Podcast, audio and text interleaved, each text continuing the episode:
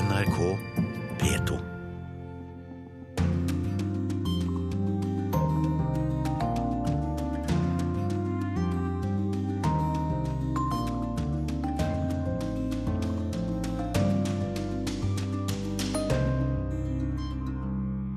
Det er flere kristne enn kommunister i Kina. 100 millioner feirer påskehøytiden, og det bekymrer myndighetene. Den britiske valgkampen er i gang. Det eneste som er sikkert, er at alt er usikkert. I Russland kan Stalins prestisjeprosjekt bli vekket til liv igjen, en jernbane over den sibirske tundraen. Brasils favelaer er ikke bare kloakk og krim, men også en plass for de rike. Og om få år kan spansk tyrefekting forsvinne helt. Dette er Urix på lørdag. Vi er møtt til dette påskeegget av et utenriksmagasin, der vi skal verden rundt før vi avslutter denne knappe timen med ukens korrespondentbrev. Det er skrevet i Nigeria. Jeg heter Wenche Eriksen. Men aller først skal vi til Kina, der påsken er blitt en stadig viktigere høytid. For kristendommen er landets raskest voksende region. Om noen år kan Kina faktisk bli det land i verden med flest kristne. Det er rundt 100 millioner der nå. Men kommunistpartiet møter regionens popularitet med stadig dypere skepsis, forteller vår Asia-korrespondent. 我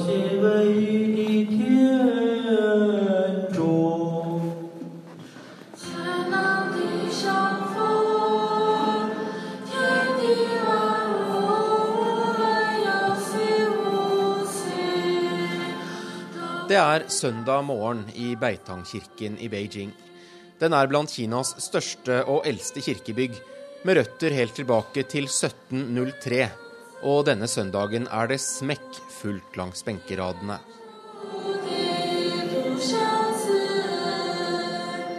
Også mange av dem som kommer hit, har familier med lange kristne tradisjoner.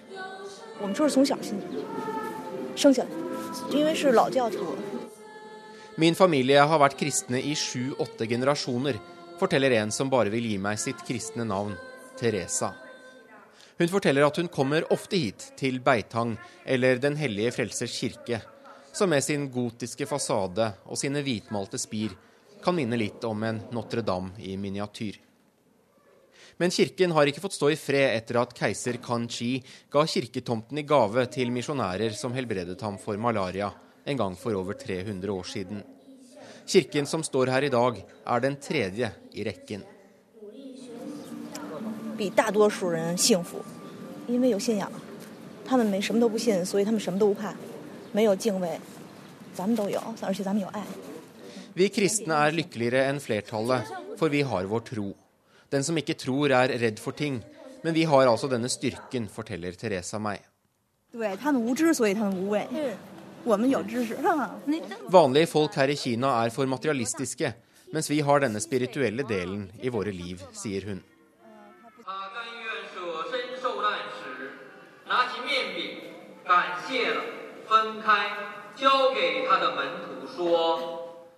Men kristendommens raske vekst har det siste året møtt stadig mer drastisk motstand fra myndighetene her.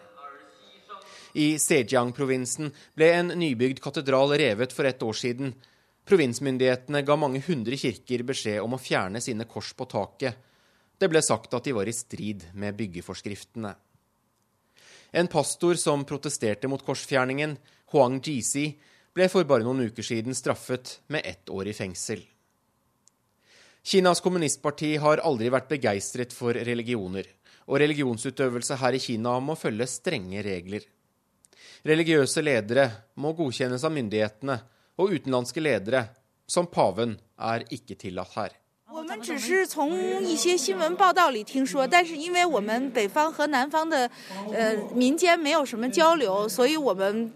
Vi har hørt om det som har skjedd med kirkene i sør, forteller Teresa. Men vi har ikke snakket med dem, så vi kjenner ikke alle detaljene. Vi håper alle kan få være i fred til å følge sin egen religion, sier hun diplomatisk. Før hun forteller at påsken er som en årlig renselse for sjelen og en høytid hun reiser langt for å oppleve her i Beitang-kirken.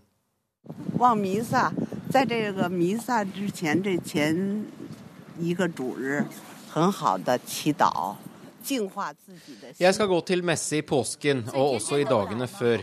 Men de viktigste forberedelsene til denne høytiden gjør jeg i mitt hjerte, forteller en annen kirkegjenger meg på trappen utenfor Beitang-kirken. Nå feirer hun påske sammen med dette landets om lag 100 millioner andre kristne kinesere. Peter Svaar, Beijing.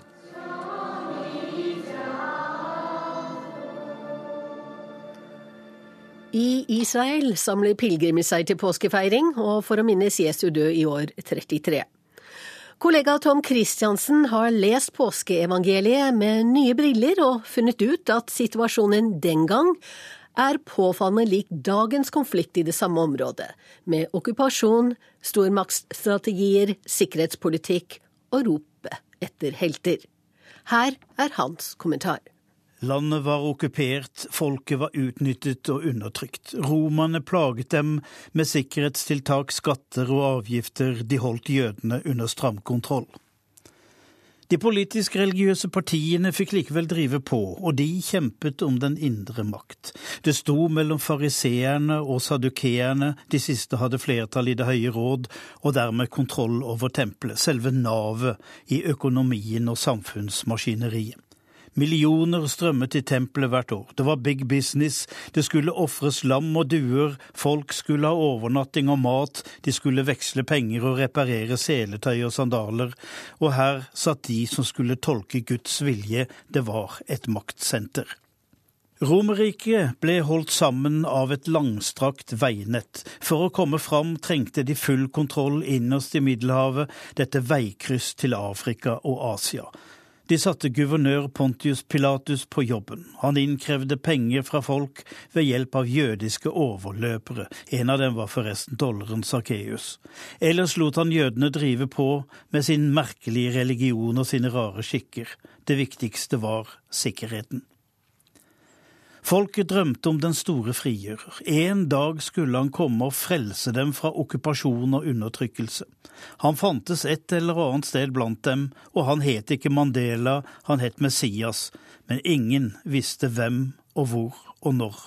Det var romernes sikkerhetsproblem. Det hadde allerede kommet fire Messiaser, små militser med noen tusen mann, det endte i blodbad og massakre, så folk var advart.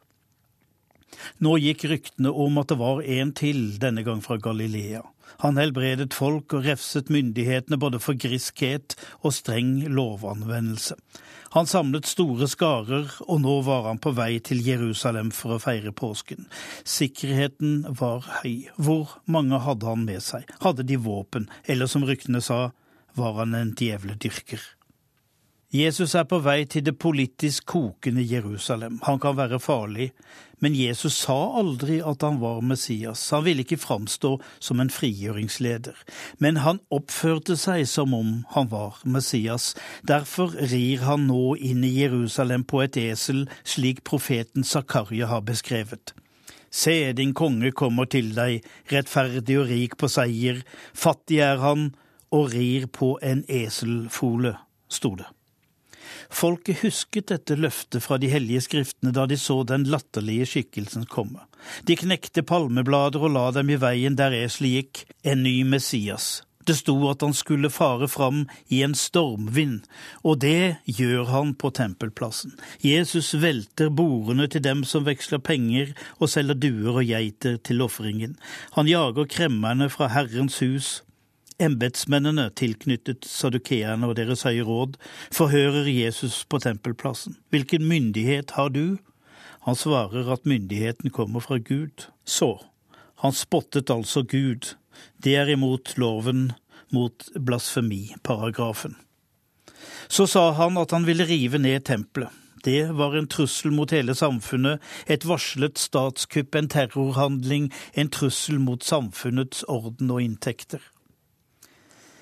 Jesus var en vagabond og hadde tolv fortrolige.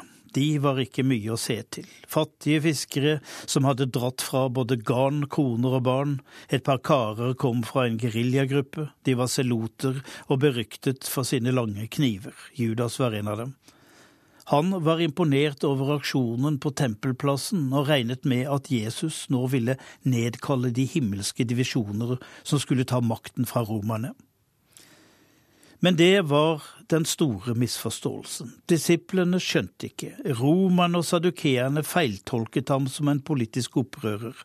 Det måtte gå galt, og det gikk rett i fortapelsen. Judas mistet troen på ham og varslet tempelbetjeningen om hvor Jesus var. Han ble tatt etter påskemåltidet natten mellom torsdag og fredag, og så havnet han i en farse av en rettssak hvor jødenes høye råd dømte han for blasfemi, men lot den romerske guvernør Pilatus ta seg av straffen. De okkuperte samarbeidet med okkupantene når det trengtes. Jesus ble hånet, trukket gjennom byen som en kjeltring, hengt opp på et kors til allmenn påskeunderholdning. Bevegelsens elleve veike disipler stakk, den tolvte hengte seg. Så falt roen over Jerusalem, men ikke helt. Han hadde truet med å stå opp fra de døde. Politiske gærninger blir man aldri kvitt. Jødenes opprør kom først 30 år seinere. Romerne slo tilbake og rev hele tempelet. Der det sto, står nå Al-Aqsa-moskeen. Klagemuren rett nedenfor er alt jødene har igjen. Lenger oppe i byen ligger gravkirken bygget over Golgata og Jesu kors. Imens blir det lengre og lengre mellom de kristne i landet. Og palestinerne? De lever som datidens fattige jøder og håper at noen kan befri dem fra okkupasjonen. De står på det fjellet hvor Abraham hørte at Gud sa alt du ser er ditt og ditt folks. Han kunne se fra Middelhavet og langt inn i Syria, men palestinerne har ingen Moses til å lede seg til det lovede land. Og det landet, det er forresten opptatt.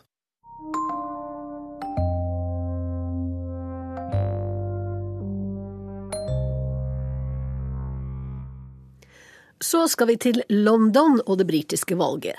Denne uken oppløste dronning Elisabeth parlamentet, og det var startskuddet for en vel fem uker lang valgkamp. Det eneste som er helt sikkert når det gjelder parlamentsvalget 7. mai, er at utfallet er høyst usikkert. I've just had an audience with Her Majesty the Queen following the dissolution of Parliament. Statsminister David Cameron foran Downing Street nummer ti i begynnelsen av uken.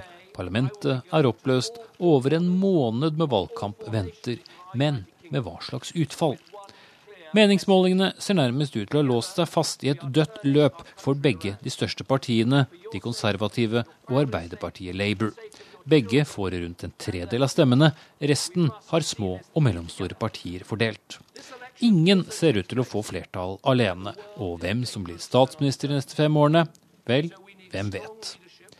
I et forsøk på å få litt hjelp spør jeg presidenten i det London-baserte internasjonale meningsmålingsbyrået YouGov, Peter Kellner, men får beskjed om å vente meg litt av en grisete valgkamp. Closest, Britain has had, not just in living memory, but frankly ever, because you know, for 200 years Britain has been fundamentally a two-party system. It isn't any longer. Skjønt venter meg en grisete valgkamp. Det finnes de som vil si at den har vart i måneder, ja nesten år allerede. For nesten hver eneste onsdag de siste fem årene har de to statsministerkandidatene krysset verbale klinger fra hver sin side av Underhuset. Da de hadde den siste, før parlamentet ble oppløst, tok det helt av. His promise. Now, now, if he's in the mood for straight answers, let's try him on another one.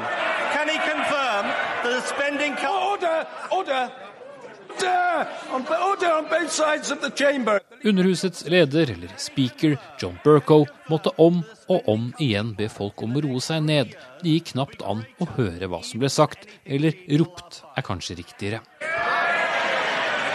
In 43 days' time, I plan to arrange his retirement, Mr. Speaker. Denne første uken av valgkampen har handlet om et konservativt parti som har forsøkt male et skremmebilde av et uansvarlig Labour med en svak leder som raskt kjører økonomien i grøften. Igjen, som de sier. Mens Labour har både denne uken og gjennom store deler av de siste månedene forklart at de konservative gjør livet tøffere for vanlige folk. Og sett ut fra meningsmålingene er de akkurat like flinke eller dårlige til å skremme velgerne. Men når de samme velgerne blir spurt om hvem av de to kamphanene de helst vil ha som statsminister, ja da er det Cameron som vinner, forklarer Peter Kellner. When people are asked who would make the best prime minister, David Cameron is way ahead, ahead of Ed Miliband. When they're asked, is, is Ed Miliband up to the job? Only about 20% say he is, and 50 to 60% say he's not up to the job. 650 representanter utgjør Underhuset, og er de som er på valg. For å få flertall må dermed et parti ta 326 av setene.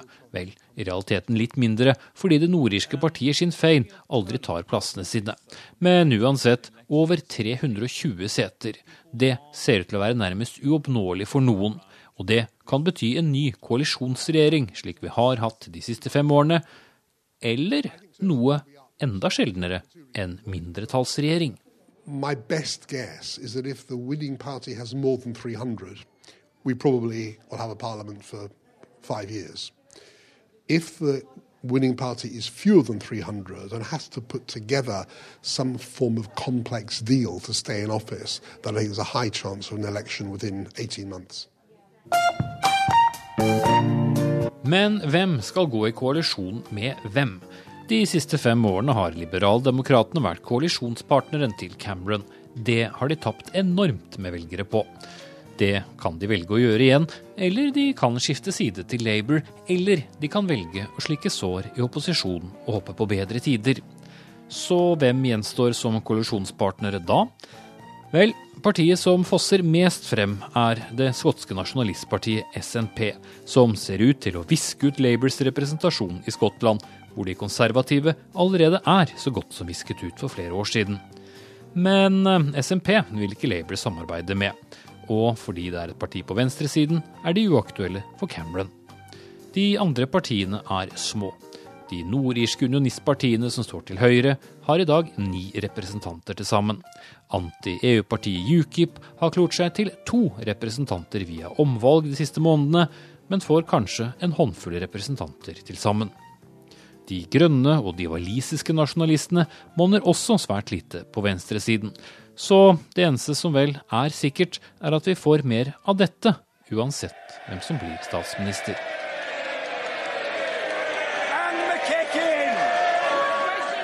Ja, det var vår mann i London, Espen Aas, som rapporterte der.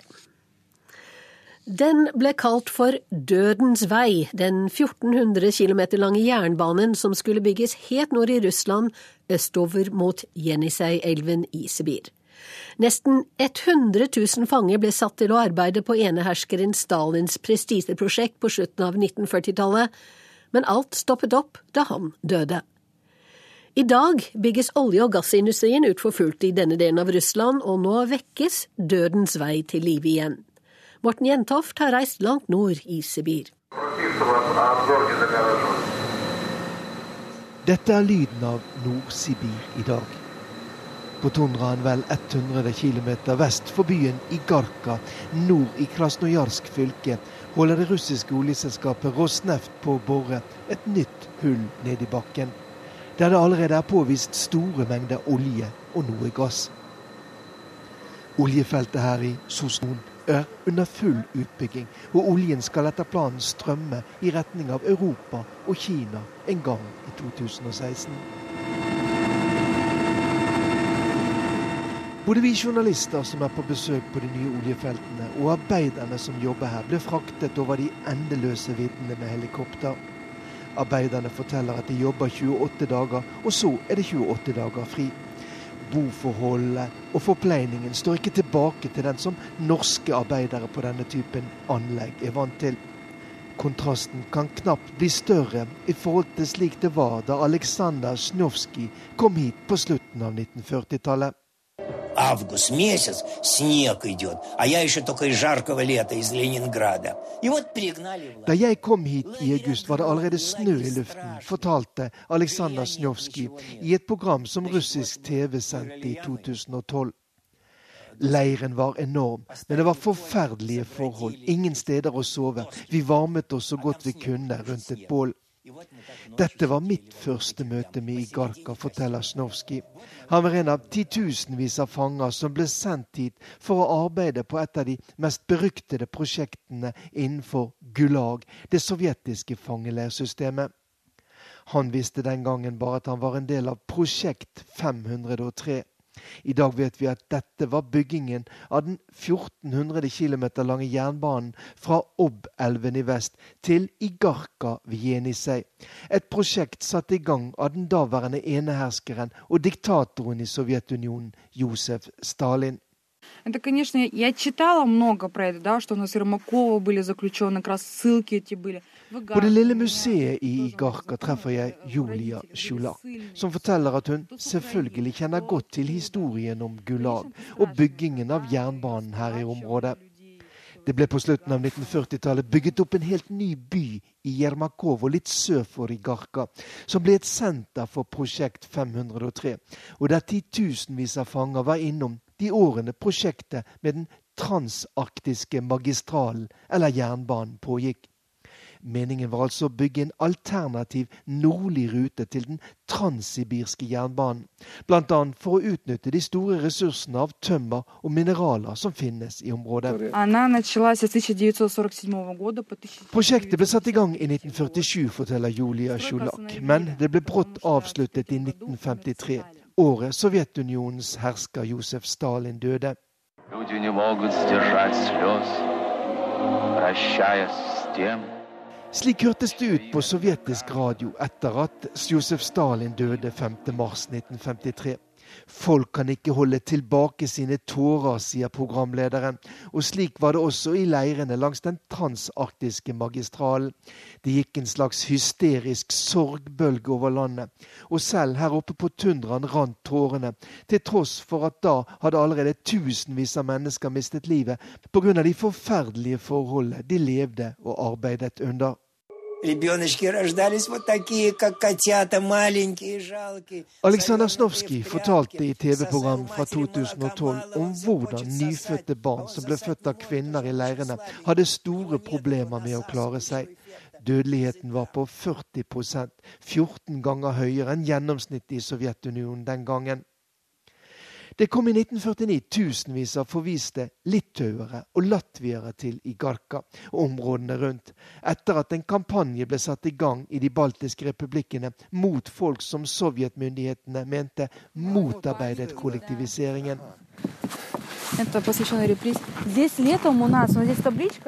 Julia Sjolak tar meg med utenfor museet, der det er satt opp noen minnetavler med tekst på litauisk over de som aldri kunne vende tilbake til sine hjemland etter forvisningen hit til Sibir.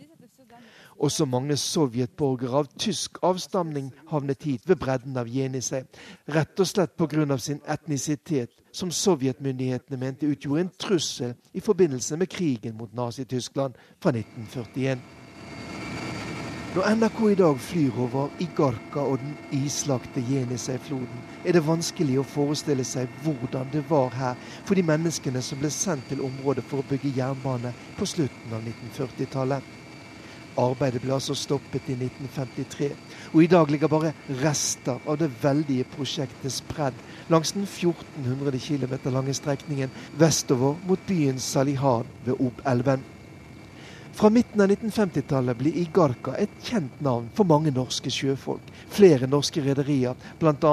Valdemar Skoglands rederi fra Haugesund, var involvert i frakten av tømmer herfra, først og fremst til England. Men selv om det aldri ble noe av Stalins prestisjeprosjekt den gangen, så snakkes det nå igjen om å bygge jernbane over den sibirske tundraen, forteller Julia Sjolak på museet i Igarka Да, мертвая дорога она осталась. Но, насколько мне известно, сейчас ее работы возвращаются, этой дороги. Det som en gang var dødens vei, kan bli vekket til live igjen, sier den unge museumsarbeideren Julia Sjolak entusiastisk, og forteller at hun dagen før NRK var innom museet hennes, hadde besøk av en mann som fortalte at planen om å bygge jernbanen nå i prinsippet er vedtatt, bl.a. pga. den voldsomme utbyggingen av olje- og gassindustrien i området. Men denne gangen skal det altså heldigvis ikke skje ved hjelp av fanger. Dødens vei er forhåpentligvis historie. Du hører på Urix på lørdag i NRK P2 og Alltid nyheter. Bli med oss videre til USA, der det er 150 år siden landets mest dramatiske påskeuke. Og til Spania, der tyrefekting snart kan være historie. Og få med deg ukens høyaktuelle korrespondentbrev fra Nigeria. Når vi hører om Brasils favelaer, så tenker vi nok på bunnløs fattigdom, elendige sanitære forhold og høy kriminalitet. Derfor blir du nok overrasket av den neste reportasjen som Arnt Stefansen har sendt oss fra Rio de Janeiro. For i favelaene bor det faktisk mange rike mennesker nå, og det blir stadig flere av dem. Ved første blikk er alt som før i min velkjente favela. Bråkete, kaotisk og fargerikt. Musikk og reklame strømmer ut fra store høyttalere. Strømnettet er et kaos av kabler viklet inn i hverandre. Og med jevne mellomrom slår den stramme stanken av kloakk mot meg. Men det tar ikke så mange minuttene før man ser forskjellene. En ny restaurant på et hjørne der det før var en skitten bar. Et elegant skilt med teksten 'advokat'. Og en filial av en av Brasils største elektronikkjeder. Jeg er i Brasils største favela, Rosinha, og skal møte en gammel kjenning. Paulo Cæsar har jobbet i mange år som guide i favelaen, men har nå startet sitt eget turistbyrå. para fazer de outras agências que têm estado aqui. Ideen er å drive turisme på en annen måte enn andre selskaper. De kjører turistene gjennom favelaen vår i en jeep, slik at utlendingene kan kikke på oss som bor her, nesten som om de er på safari i et dyrereservat. Dette er nedverdigende og det gir ingen inntekter for næringslivet eller befolkningen her i Rosinja. Vår idé er å gå rundt og snakke med folk, spise og drikke her, og fortelle hvordan livet i favela egentlig er, sier Paulo Cæsar.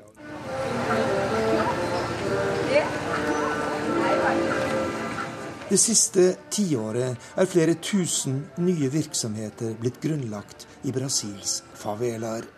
I tillegg har titusener av favela-beboere fått jobber i rike områder i nærheten. Det har gjort favelaene til en betydelig økonomisk kraft. Ifølge en ny undersøkelse fra instituttet Data Favela skaper de tolv millioner innbyggerne i disse områdene nå verdier for nærmere 200 milliarder kroner i året. Paulo Cæsar forklarer utviklingen slik. A política do Brasil deu a condições das pessoas menos favorecidas no sentido Dette er et resultat av en bevisst politikk. De som har styrt Brasil det siste tiåret, har hatt som mål å gi oss i favelaene et bedre liv. De har satt inn ressurser for å bedre sikkerheten, og har sørget for at vi er blitt kvitt narkobandene som styrte her tidligere. De har investert i helse og utdanning og bedret infrastrukturen. Og dette, i tillegg til den økonomiske fremgangen her i Brasil det siste tiåret, er årsaken til den fremgangen vi ser i dag, sier Paulo Cæsar.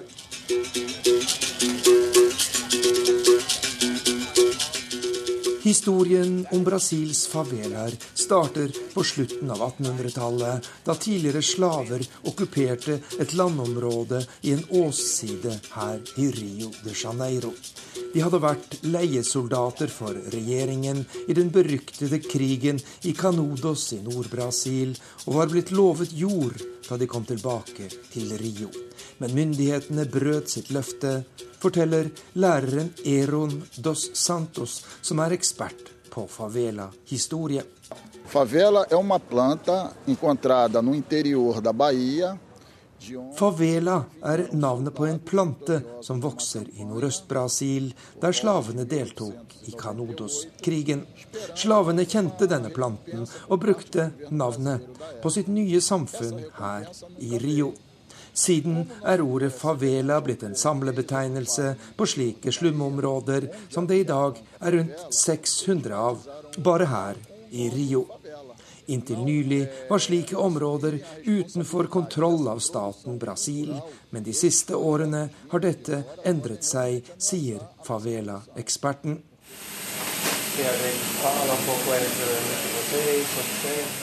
Jeg er på kjøkkenet i restaurant Lisboa i Rosinha. Her er innehaveren João Lisboa og hans datter i sving med å tilberede en enkel utgave av Brasils nasjonalrett feijoada. Virksomheten går bra, og João har økt sin inntekt betraktelig de siste årene, slik at han i dag tilhører Brasils øvre middelklasse, den såkalte klasse B. Tallet på velstående brasilianere i favela er mer enn fordoblet siden 2013, til nærmere 800 000. Men få av dem har planer om å flytte. Jeg har bodd her i Rosinha i 26 år, og det er dette som er mitt hjem, sier João bestemt. Selv om jeg nå har penger til å flytte til et bedre strøk, så vil jeg ikke bytte. Det hyggelige miljøet og det samholdet man finner her, er det lite av i de rike områdene, og derfor fortsetter de fleste å bo i favela, selv om de har råd til å flytte, sier restauranteieren Joan Lisboa i favelaen Rosinha her i Rio de Janeiro.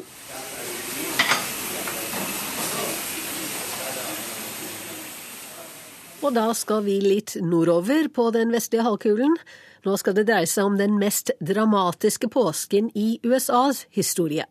Palmesøndag for 150 år siden sluttet den amerikanske borgerkrigen da sørstatsgeneralen Robert E. Lee overga seg til nordstatenes Ulysses S. Grant. Fem dager senere, på langfredag, ble president Abraham Lincoln skutt og drept. Joar Ho Larsen har sett nærmere på de skjebnetunge aprildagene i 1865.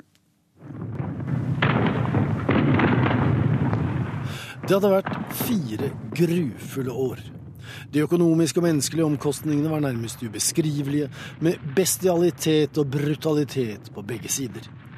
Tre kvart million drepte. Landet lå i ruiner. Sørstaten hadde brutt ut av unionen for å bli en egen stat, basert på landbruk og plantasjeøkonomi, med slaver som selve grunnfjellet i jordbruksproduksjonen.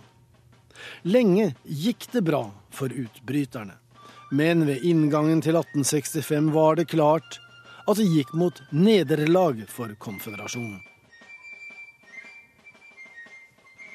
Det var klart for alle at nordstaten, altså det som var igjen av den opprinnelige unionen, ville gå seirende ut av striden. President Abraham Lincoln så frem til fire nye år i Det hvite hus, der arbeidet med gjenforening og gjenoppbygging lå foran ham. Here was the greatest and most moving chapter in American history.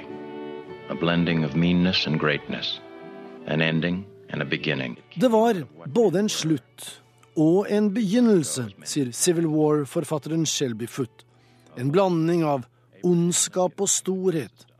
Den viktigste epoken i amerikansk politikk.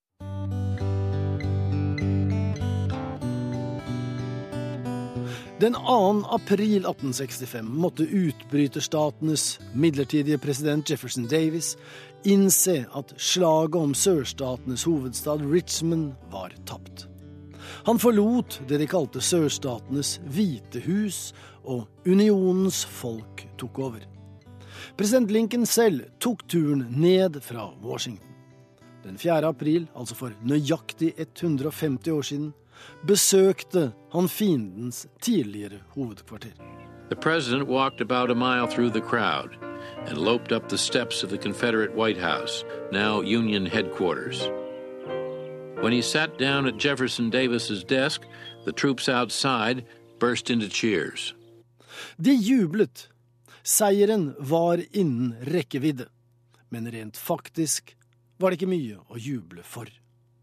I første omgang nektet den flyktende, men fallende opprørspresidenten å innse at krigen gikk mot slutten. Men den konfedererte armeen var nedkjempet og i oppløsning. De manglet mat og ammunisjon. Så nordstatsgeneral Julius S. Grant skrev brev til sin hovedmotstander, sørstatsgeneral Robert E. Lee, og foreslo en våpenhvile. 5 p.m., April 7, 1865, General Lee. The result of last week must convince you of the hopelessness of further resistance. Men han måtte altså til slutt, uansett hvor mye det bød ham imot, innrømme nederlaget. Palmesøndag 9. april 1865 møttes de to. De ble enige, og krigen var slutt. There is nothing left for me to do but to go and see General Grant. Krigen hadde splittet familier, bror sto mot bror. Amerikas forente stater hadde gått opp i limingen. Men borgerkrig eller ei, så lenge opprørerne hadde tapt, var de fremdeles amerikanske statsborgere og velkommen tilbake i unionen, sa presidenten. Det var ingen tvil om at utfordrende år lå foran amerikanerne. Men gjenforeningsprosessen var i alle fall i de beste hender. Abraham Lincoln hadde reddet unionen. Nå skulle han gjenreise nasjonen. Han blir ofte vurdert som den beste presidenten USA har hatt. Men hans andre periode ble kortvarig, og for USA skulle etterkrigstiden bli både verre og vanskeligere.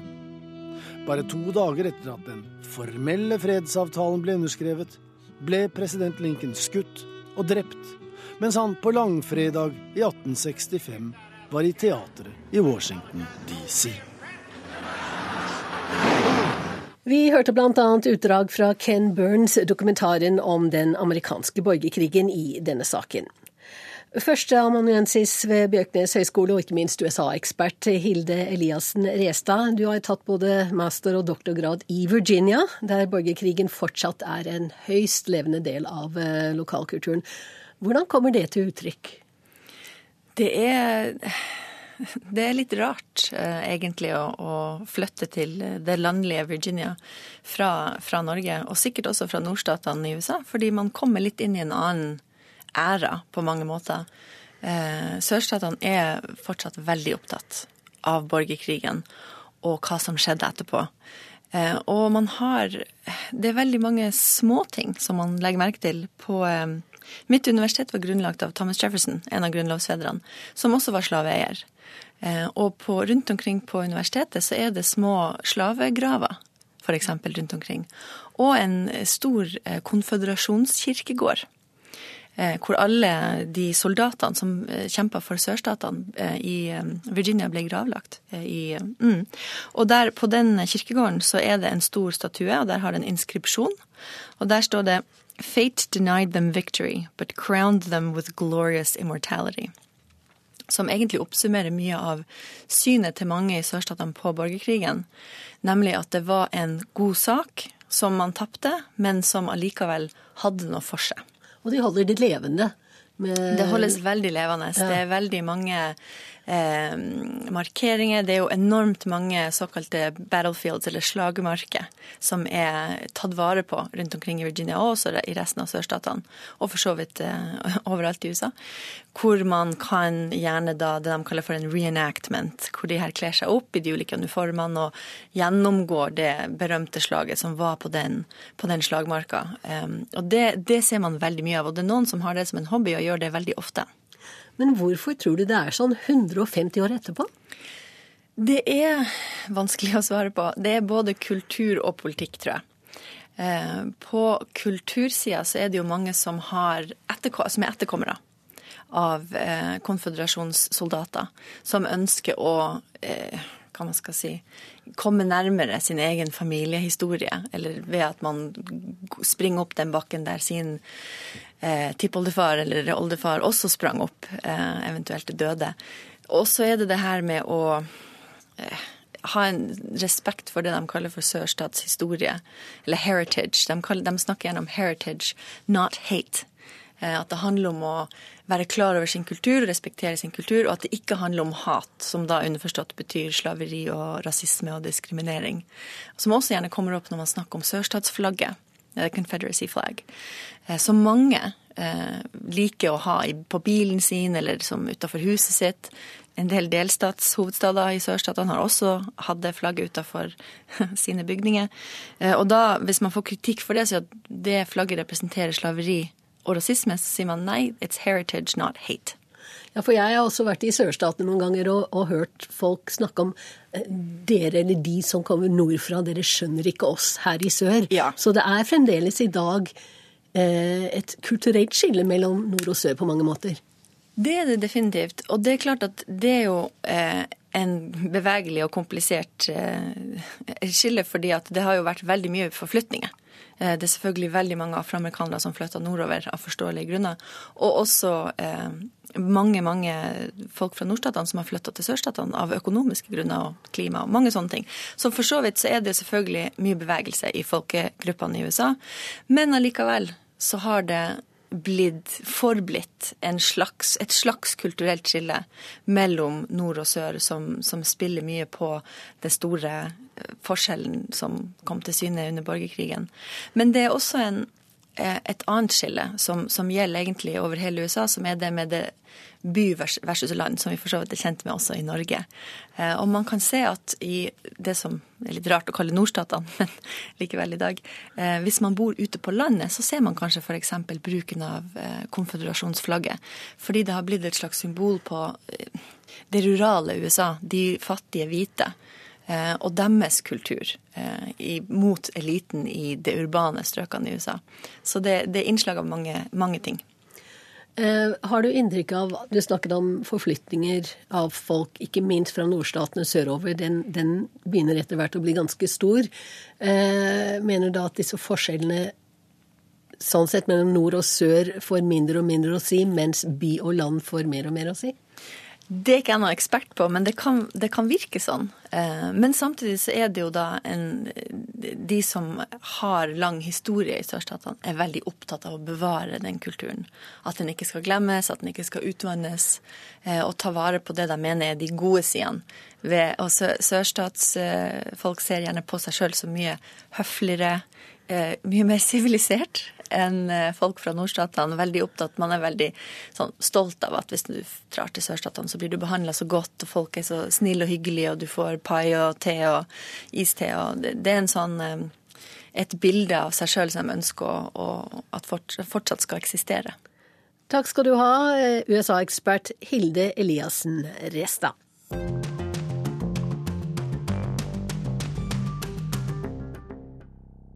Tyrefekting kan være historie om ikke så lenge. Det tror flere som kjemper mot denne spanske tradisjonen. På få år er antallet kamper blitt halvert, og bare 8% av spanjolene sier de noen gang har vært på en tyrefekterarena.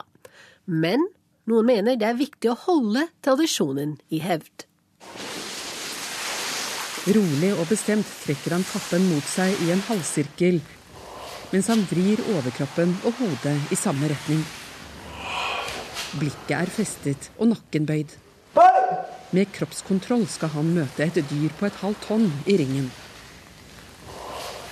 Sientes miedo por el toro porque sabes que, que es un animal mucho más grande que tú, mucho más fuerte que tú, y que él sale a defenderse, a atacar y a matar. Jeg føler frykt for tyren fordi jeg vet at den er større og sterkere enn meg. Du vet at den vil forsøke å forsvare seg, angripe og drepe. Det sier Victor Barrio. Han er 27 år, høy, mørk og utstråler selvtillit. Den kommer godt med i ringen. Dette handler ikke om en kamp mellom menneske og dyr. Det vi matadorer skaper er kunst, forklarer han. Vi får publikum til å kjenne på redsel og begeistring. Jeg stiller mitt liv til rådighet. Folk kommer ikke for å se på hvordan man dreper tyren, men for å oppleve dette kunstverket, sier han. Det er en guttedrøm som har gått i oppfyllelse. Etter flere års trening sto han for første gang ansikt til ansikt med en fullvoksen tyr for to år siden på den viktigste arenaen av dem alle, Plaza de Toros de las Ventas i Madrid. Stolt viser han frem drakten han brukte. Rosa silke med hjertet brodert i gullame. Bare jakka alene veier flere kilo. Buksa er til skredderen etter at en tyr angrep han i benet. Å se tyren komme mot seg er nervepirrende. Det første du har lyst til, er å stikke av, men når du klarer å få den til å gå dit du ønsker, styre den med kroppen, så får du lyst til å gjøre dette tusen ganger til, sier han. Mira, esto es, eh, esto es una presentación que hacemos der matadoren føler stolthet over en gammel spansk tradisjon, kjemper andre imot det de mener er ren dyremishandling. Un ejercicio de maltrato animal no podemos considerarlo como una tradición que debamos mantener en el siglo XXI. Man kan ikke forsvare dette i det 21. århundre, sier veterinær José Enrique Saldivar. Han leder Avatma, som er en organisasjon av over 2000 veterinærer. De reiser rundt i landet og til Brussel for å forklare hva som skjer når dyret får lanser og spyd inn i kroppen. Det ødelegger muskler, leddbånd, sener, nerver, blodårer. Sammen med de psykiske påkjenningene fører dette til et enormt stress, sier Saldivar. Reaksjonsmønsteret til dyret skyldes frykt, og ikke at den er aggressiv, mener han. To regioner i Spania har forbudt tyrefekting, men selv om de fleste fortsatt tillater det, har antallet kamper stupt. Interessen er i ferd med å dø ut, mener veterinæren, men tyrefekting er også dyrt.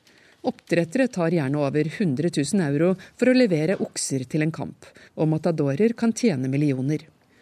Uten offentlige subsidier overlever ikke tyrefekting.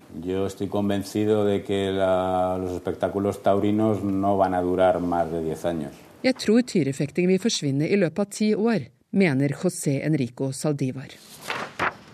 Esto es el toro jubilo de Medinaceli.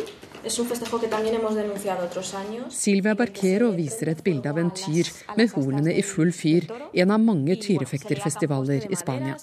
Hun er partileder i Dyrebeskyttelsespartiet, som er et av flere partier som har programfestet forbud. Bueno, en los últimos 10 años en España han bajado un 50% el número de festejos taurinos que se celebran. Antallet kamper har gått ned med 50% de siste tiårene. Og det som også skjer, er at det er færre som ser på, med unntak av de helt store arrangementene som i Sevilla og Madrid, sier hun. Hennes parti er lite, men et annet parti som ligger an til å vinne valget i år, har også i sitt program at det vil forby tyrefekting. Podemos er det nest største partiet på meningsmålingene nå. Ojalá jeg håper at de vil stå for det som står i programmet, og forby tyrefekting, sier Parquero.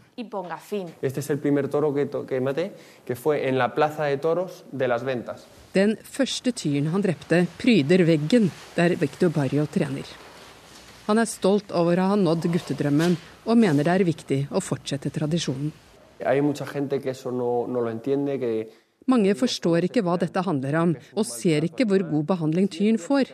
Det er klart at den dør dramatisk, men den har levd mye bedre og lenger enn de dyrene vi spiser.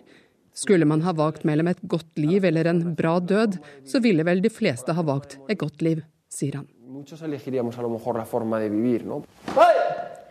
Sa tyrefekter Victor Barrio til korrespondent Åse Marit Befring. Og da er det tid for ukens korrespondentbrev. Kristine Presttun har vært i Nigeria og dekket valget der. Dette gjør meg til en borger av Nigeria.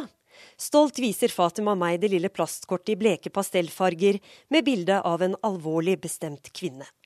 Det er et elektronisk valgkort, og Fatima sier at det symboliserer den lille makten hun har over Afrikas mest folkerike land.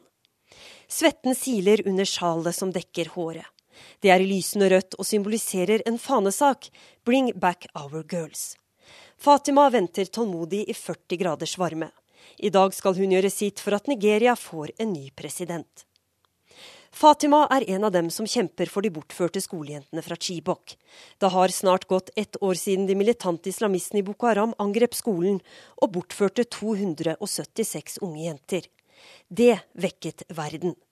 Vi husker Michelle Obama med plakaten 'Bring back our girls'. Ingenting skjedde. Flere enn 200 av dem er fortsatt borte. Disse jentene kunne vært deg eller meg. Vi er alle skolejenter fra Chibok, sier Fatima, som skal stemme på opposisjonskandidat Muhammadu Buhari. Hun håper at han kan endre Nigeria. Ikke for fiffen i Lagos, de med lommene fulle av oljepenger og ungene trygt plassert på kostskoler i England og Sveits, men for de fattige i nordøst, de som trenger hjelp og beskyttelse. Få dager før valget flyr jeg inn til Yola i en av delstatene der Boko Haram herjer nordøst i landet. Det er ikke langt til fronten. Boko Haram ønsker å lage et eget kalifat i dette området, og har nylig erklært lojalitet til den islamske staten i Syria og Irak. Det er andre gang jeg besøker denne byen. Sist var i desember i fjor, da folk jeg møtte var livredde for at Boko Haram skulle innta Yola når som helst. Utenfor den gule murkirken er det stille. Sola svir i 45 grader pluss, klærne klistrer seg til kroppen. Velkommen til Yola, sier pater Morris mens vi går sakte mot inngangen til byens katedral. Håndtrykket er fast, den hvite kappen blafrer i et uventet vindpust. Sanden under føttene våre er gul som kirken. De venter her inne, sier pater Morris og peker mot katedralen som strekker seg mot himmelen. Hva venter meg der inne? Hjertet banker litt fortere. Først kommer lyden. Summingen av lave kvinnestemmer skaper gjenklang i det store kirkerommet. Så ser jeg øynene deres. Slitne, mørke blikk i alvorlige ansikter fyller alle benkeradene. Mange sitter også på gulvet med hodet i hendene, noen med barn ved tomme bryst. Bare midtgangen er holdt fri. Det er 3000 kvinner her inne. Alle ofre for Boko Harams terror, sier pater Morris. En hånd tørker bort tårer. Den er visst min. Jeg setter meg ned på gulvet ved en av kvinnene. Cecilia Joel er ung, kledd i solgull bomull, ansiktet er mildt og åpent. Også hennes øyne har sett for mye. Cecilia forteller med lav, tydelig stemme. De drepte mine brødre, søstre og foreldre. Boko Haram kom om natten og brente ned huset vårt. Nå takker jeg Gud for å ha kommet hit til denne kirken. Cecilia har sovet på steingulvet i natt for å være ute i god tid før den ukentlige matutdelingen. Hun er trøtt og sulten, men bærer utmattelsen med verdighet. Det er kirken som holder liv i disse kvinnene og familiene deres. Pater Morris forteller at myndighetene ignorerer dem. Av de rundt 400 000 flyktningene i byen er det bare en brøkdel av dem som bor i leire. Alle de andre får hjelp av byens folk og frivillige organisasjoner. Myndighetene i Nigeria har vært handlingslammet i de seks årene Boko Harams herjinger har pågått. Folk her er gjemt og glemt av den politiske eliten sør i dette landet, med Afrikas største økonomi. Mens jeg er i Yola, er det valgkamp. Store plakater med de to presidentkandidatene henger i byens rundkjøringer. Men få av kvinnene i kirken får brukt stemmeretten. Det er for farlig å dra hjem og hente stemmekortene. Boko Haram og myndighetene har gjort dem stemmeløse. Valget ble utsatt i seks uker. Begrunnelsen var at militæret trengte tiden til å bekjempe de militante islamistene. Det framstår så merkelig at en hær som ikke har klart å bekjempe Boko Haram på seks år, plutselig skulle gjøre det på seks uker. Likevel har noe skjedd. I løpet av disse ukene har Nigeria fått hjelp til å ta tilbake områder fra Boko Haram her nordøst i landet. Men vi skal være skeptiske til militærets opplysninger. De militante islamistene har fortsatt kontroll over et stort område mot grensen til Kamerun, også i Adamawa, delstaten der jeg befinner meg. Ifølge militæret skyldes fremgangen forsyninger av nye våpen.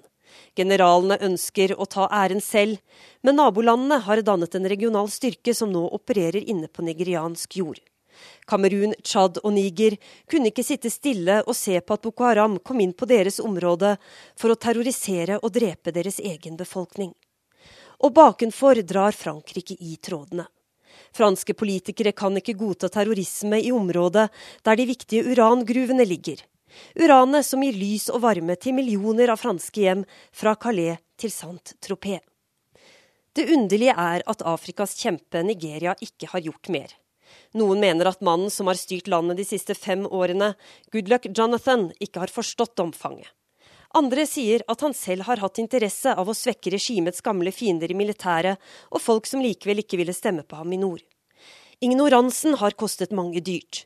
Prisen betaler kvinnene som sitter ved siden av meg på det harde steingulvet i Sankt Teresa-katedralen her i Yola, med sultne mager og marerittet preget inn i magre ansikter. Prisen betaler også de 219 skolejentene som fortsatt er savnet fra Chibok, og alle de andre som Boko Haram har tatt med seg som sexslaver og barnesoldater. Bitterheten er stor blant kvinnene mot et regime de anklager for å ikke ha gjort nok for å finne barna deres. Noen klarte å flykte. Jeg møtte tre av disse jentene som unnslapp Boko Harams jerngrep. De er på det amerikanske universitetet i Yola. Du hørte dem kanskje her i Urix på lørdag for en uke siden. Spede stemmer som fortalte at de drømmer om å studere medisin, og en dag reise hjem igjen til et trygt Chibok. Jeg skulle så gjerne ha spurt dem om hva som skjedde den skjebnesvangre dagen da krigerne fra Boko Haram kom til skolen deres, og hva som skjedde med dem under fangenskapet, men har fått klar beskjed om å styre unna slike spørsmål. Jentene er traumatiserte, trenger beskyttelse. Likevel er det ikke bilder av tre skadede jenter som sitter igjen, men av tre normale ungdommer i jeans, florlett sommerkjole og rosa T-skjorte. Jeg prøver å ta det inn over meg at venninnene deres kanskje fortsatt er i live. Tvangsgiftet med krigere fra Boko Haram. Hva de nå opplever der ute i områdene som terroristene fremdeles kontrollerer, men hjernen går i svart. En korrespondens empati har visst noen naturlige grenser. De tre jentene har takket nei til krisehjelp. Vi finner trøst i å be til Gud, og i samholdet oss imellom fortalte de meg. I kirken reiser kvinnene seg. Pater Morris har grepet mikrofonen, kvinnene smeller med tungene for å hilse ham. Pateren sier at her er alle velkommen, uansett om de er kristne eller muslimer. Uttrykket 'der hvor det er hjerterom, er det husrom' får en ny klang i Yola. Byen med 400 000 fastboende har doblet sitt antall. Det er flyktninger i nesten hvert eneste hus. Jeg blir invitert inn i et av dem der Peter Wyes har tatt imot 45 mennesker, unge og gamle, alle på flukt. De deler sofa, soverom og kjøkken. Det hender visst at det går en kule varmt. Selv om alle tar hensyn, er det mange ulike personligheter under samme tak. Gjestene til Peter har forlatt alt de eide, og gått i flere dager på solsvidd jord for å komme hit til huset hans. Selv klager han ikke, Peter er bare glad for å se dem i live. Han har selv mistet mange. Tilbake i hovedstaden Abuja putter Fatima Seddelen andektig ned i stemmeurnen. To dager senere, da valgresultatet annonseres, kan hun slippe jubelen løs. Muhammadu Buhari blir den første opposisjonskandidaten som vinner et valg i Nigeria siden demokratiet ble gjeninnført i landet for 16 år siden. Muslimen fra nord, den tidligere juntalederen, er kjent for å bruke lite penger på seg selv i et land som er nedsunket i korrupsjon. Og han lover å være tøff mot Boko Haram. Han var hard i klypa mot korrupte ledere og fiender da han styrte landet på 80-tallet, men han slo også ned på demokratiske rettigheter som pressefrihet. Fatima sier at det eneste hun ber om, er sannheten om hva som har skjedd med Chibok-jentene. Det bør ikke være for mye å be om. Og med det var Urix på lørdag slutt. Teknisk ansvarlig var Mari Janne Myrhol, og her i studio satt Wenche Eriksen. Fortsatt god påske.